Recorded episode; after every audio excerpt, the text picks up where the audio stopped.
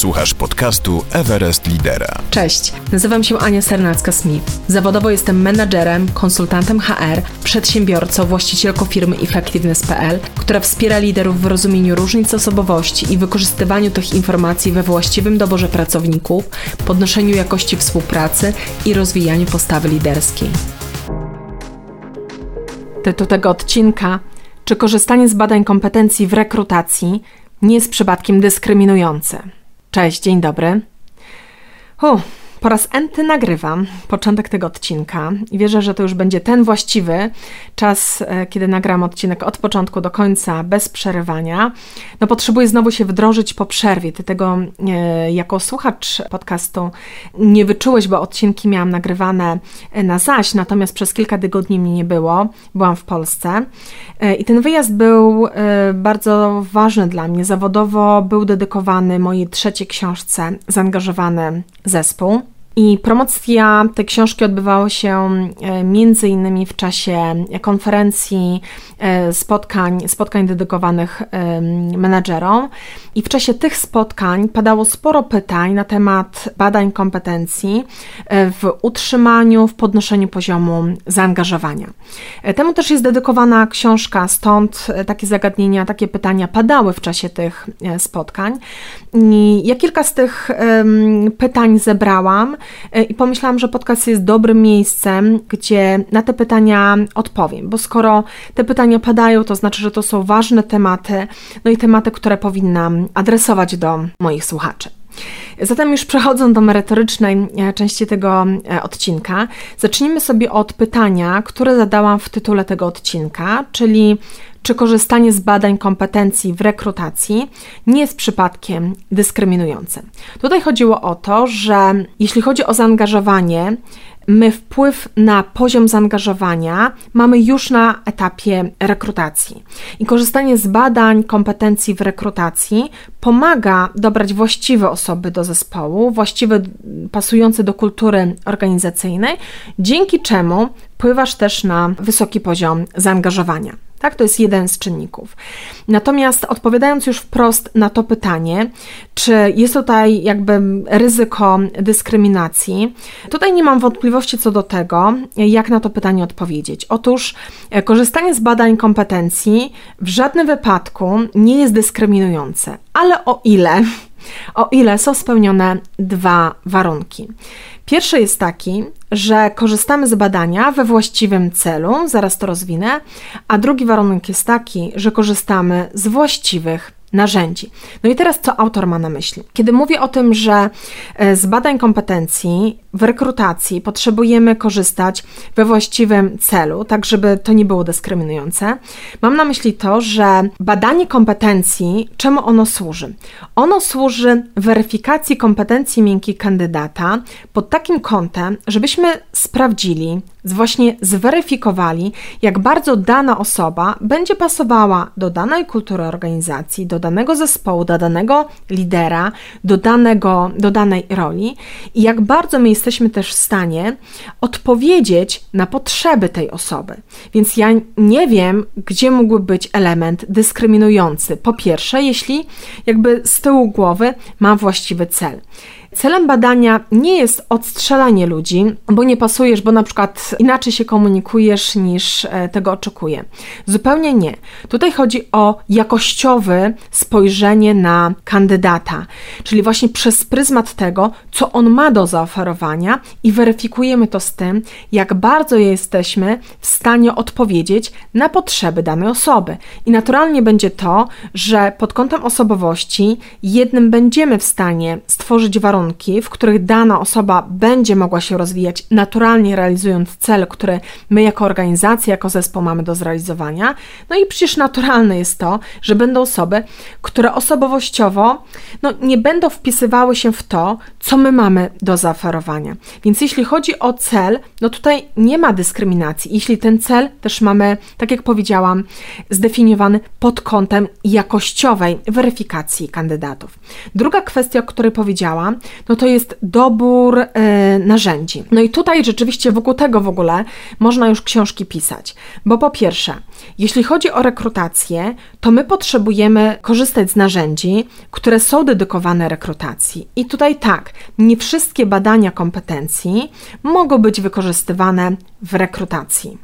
E, może to kogoś zaskakiwać, może nie, ale ja też wiem, że nie zawsze to weryfikujemy, a powinniśmy. Jeszcze raz to powiem, że w rekrutacji korzystamy tylko i wyłącznie z tych badań, które są dedykowane rekrutacji, które mają pod tym kątem też przeprowadzone badania walidacyjne i mamy potwierdzenie, że dane badanie, informacje, które pozyskamy w badaniu, one będą wspierały podejmowanie właściwych decyzji rekrutacyjnych. No ale co to znaczy, kiedy ja mówię, że potrzebujemy wybrać właściwe badanie? To co ono może badać, że to będzie niewłaściwe? Podam Ci przykład. No, kiedy na przykład chcemy zweryfikować poziom neurotyzmu, a są badania, które to weryfikują, czyli jakby sprawdzają skłonność do doświadczania takich uczuć jak lęk, gniew, no, zazdrość czy poczucie winy. Tego nie wolno weryfikować w czasie rekrutacji. No i to jest błąd. No jeśli będziemy tak robić, no to rzeczywiście, no, będzie tutaj można mówić o dyskryminacji. Nie, nie możemy tego weryfikować. Dlaczego? Choćby z tego względu, że kwestią neurotyzmu zajmują się osoby, które są ku temu przeszkolone, tak? Osoby, które mają wykształcenie, osoby, które jeśli okaże się, że taka osoba ma wysoki poziom neurotyzmu, mogą udzielić pomocy takiej osobie. No my jako osoby pracujące w HR, jako team liderzy nie mamy do tego kompetencji, zakładam, więc w ogóle nie powinniśmy takimi kwestiami kwestiami się zajmować. I tutaj y, to, był tylko przykład, ale zdarzyło mi się też weryfikować narzędzie, które na przykład sprawdzało atrakcyjność czyjąś, taką osobistą, postrzeganie siebie jako atrakcyjną osobę bądź nie. No to totalna to jest bzdura. Dlaczego mielibyśmy takie aspekty osobowości weryfikować w rekrutacji, w danej roli? Nie, no to wtedy będzie to dyskryminujące. Natomiast jeśli, tak jak powiedziałam, mamy właściwy cel, jakościowa weryfikacja kandydatów pod kątem tego, czy jestem w stanie odpowiedzieć na potrzeby danej osoby, bo może nie. I dwa, korzystamy z właściwych narzędzi badań kompetencji, w żadnym wypadku to nie będzie dyskryminujące. Dodam jeszcze, że to muszą być badania, które jakby są neutralne wobec płci, wobec wieku, wobec przekonań religijnych. No i chociażby DISC D3, na którym ja pracuję, takim narzędziem jest. To, co jest ważne, no my bazujemy na pozytywnych aspektach zachowania, czyli nie ma tutaj czegoś, co miałoby charakter dyskryminujący. Nie, my patrzymy przez pryzmat tego, czy ktoś jest bardziej, to tylko przykład, bardziej kreatywny, czy bardziej yy, ma myślenie strategiczne. I zobacz, jedno i drugie jest pozytywne, ale my patrzymy, czego dana rola, dana organizacja, dany team leader potrzebuje i pod tym kątem weryfikujemy e, kompetencje miękkie. Uff, trochę się tak rozgadałam w tym temacie, ale rzeczywiście te badania kompetencji to jest taki mój konik i dużo na ten temat mogłabym mówić. No, jakby też nie bez powodu wokół tego napisałam e, książkę. Już zanim przejdę do kolejnego pytania, jeszcze dopowiem tutaj jedną kwestię. Pamiętajmy, że badanie kompetencji jest narzędziem wspierającym podejmowanie decyzji. Oczywiście tutaj bierzemy pod uwagę też doświadczenie, tak jakby zestaw kompetencji danej osoby, tak zwane te twarde kompetencje. Czasami one nie będą wcale kluczowe, tak? No bo w zależności od, od roli, bo kogoś możemy przyuczyć, ale ta postawa coraz częściej widzimy, że ma znaczenie i powinniśmy te miękkie aspekty osobowości brać pod uwagę. No ale zawsze bierzemy pod uwagę to, co ta osoba ma wnieść, e, czego dana organizacja potrzebuje, a nie, że w badaniu nam wychodzi to mm, bądź coś innego. Nie, zawsze patrzymy na wynik w danym kontekście i to nigdy nie będzie dyskryminujące. Drugie pytanie, e, które się pojawiło, to to, jak przekonać pracowników, by chcieli zrobić test kompetencji. Niektórzy się boją tego, co pokaże wynik testu. Może wskazać, że ktoś nie jest wystarczający. No i tutaj Kluczowe do tego, żeby e, zaprosić pracowników do wykonania badania kompetencji, znowu jest komunikacja. Komunikacja celu, czyli poprzyglądanie się temu, czemu em, badanie kompetencji ma służyć? Ono ma służyć wspólnemu dobru, e, interesom obu stron. To znaczy, ma z jednej strony, skoro no tutaj płatnikiem jest organizacja, bo zaprasza do tego badania, no to organizacja chce lepiej zrozumieć to, e, czego tobie, drogi pracowniku, potrzeba do tego, żebyś chciał i mógł się w naszej firmie rozwijać. Co jest twoją mocną stroną, a co nie jest twoją najmocniejszą stroną. Dzięki temu ja wiem, do jakich zadań cię zapraszać, a do jakich niekoniecznie. Ja wiem, w jaki sposób ty podejmujesz decyzje. Ja wiem, co dla ciebie rozwojowo jest ważne. Z badania kompetencji widzimy, w którym kierunku jakby widać, że warto cię rozwijać, czy nawet cię przekwalifikować, a w którym kierunku niekoniecznie. I no, z jednej strony właśnie to organizacja ma korzyść, bo zdobywa informacje o pracowniku, o których sama mogła y, nie wiedzieć, no bo nie wszystkie aspekty osobowości widzimy. No też na drugą osobę patrzymy przez swój filtr, więc nie wszystko zauważamy. Jedne, jedne aspekty osobowości mocniej wyłapujemy, drugich niekoniecznie. No i z drugiej strony interes pracownika jest taki, żeby jemu w danej organizacji było dobrze. Więc znowu, Badanie kompetencji daje nam informacje o tym, co ten pracownik wnosi, a czego ten pracownik potrzebuje do tego, żeby mu było dobrze, jak już jest w danej firmie. Więc z czego wynika może tak, to, że ludzie mogą e, mieć jakieś wątpliwości co do e, badań kompetencji. Po pierwsze, no, mogą mieć złe doświadczenia, może rzeczywiście mogli korzystać, może nawet nie z psychometrycznych narzędzi e, diagnozy kompetencji, tylko z jakichś quizów z internetu, co się zdarza, czego też sama doświadczyła. Z drugiej strony, no właśnie ta komunikacja mogła być e, niewłaściwie poprowadzona. E, Z trzeciej strony, no badanie mogło być e, wykorzystane nie we właściwym celu. No w żadnym wypadku to nie służy temu, żeby kogoś odstrzelić. Nie, jeśli taki mamy cel, to tego nie róbmy. Celem diagnozy kompetencji jest to, żeby zrozumieć lepiej pracownika, żeby było więcej zrozumienia i usłyszenia się w relacji między pracownikiem a jego liderem, tak? Między e, liderem zespołu. I koniec, kropka. Czasami nawet tak budzi się we mnie taki, takie niedowierzanie, że tak ciężko jest rzeczywiście przekonać do tego, żeby pracownicy e, korzystali z badań kompetencji, ale obserwuję, że się to bierze z tego, że my sami jako menedżerowie nie do końca wiemy, w jakim celu mamy z tych narzędzi korzystać. Podsumowując, mamy korzystać e, w takim celu, żeby siebie poznać nawzajem i wiedzieć, co zrobić, żeby jakość współpracy między nami podnieść po prostu na wyższy poziom, żeby zadbać też o to zaangażowanie. E, A w książce właśnie opisuję bardzo konkretnie, jak korzystać e, z informacji pozyskanych z DIS-D3 e, w mm, utrzymaniu i pobudzaniu zaangażowania pracownika już od rekrutacji przez codzienną współpracę i rozwój kompetencji. No idziemy dalej. Padło pytanie, które jest jednym z moich takich ulubionych, a brzmi: czy pokazywać wynik lidera na forum zespołu? Czy to powinno być tajne? Na to pytanie odpowiem pytaniem. Otóż, czy tajne powinno być to, czego ty jako lider zespołu oczekujesz? Czy tajne powinno być to, co jest dla ciebie ważne? W czym na przykład wesprzesz zespół, a w czym niekoniecznie? Co y, będziesz sobie cenił? Y, czym jest dla ciebie y, sukces? Czym jest dla ciebie docenienie? Czego też od zespołu możesz potrzebować? Czy to powinno być tajne? Wydaje mi się, że to jest dość retoryczne pytanie, no bo oczywiście nie, to powinno być jasne i to, że ty jako menadżer zespołu masz wykonane badanie kompetencji, to ono ma ci pomóc w tym, żeby te kwestie, o których właśnie wspomniałam, wynieść jeszcze mocniej na światło dzienne, żeby upewnić się, że mój zespół dobrze wie, na czym mi zależy, kim ja jestem, co jest dla mnie ważne, co dla mnie się liczy, a co na przykład, jakie zachowania działają na mnie jak płachta na byka. Jesteśmy ludźmi i chodzi o to, żeby jakby no nie ukrywać tego, jaki jestem, ale wyciągnąć na światło dzienne, dać się ludziom poznać. No i możemy sobie pomyśleć, no ale ja się daję ludziom poznać.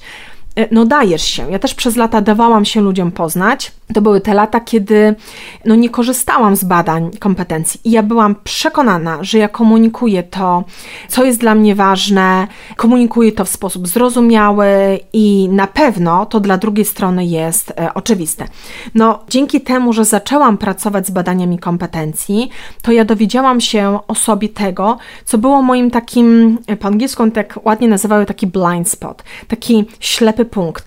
Dowiedziałam się o sobie tego, o czym nie miałam pojęcia. No chociażby to, ja często o tym wspominam, że ja w komunikacji jestem bardzo dyrektywna. Ja wiedziałam, że jestem konkretna, ale ja to postrzegałam jako coś bardzo pozytywnego.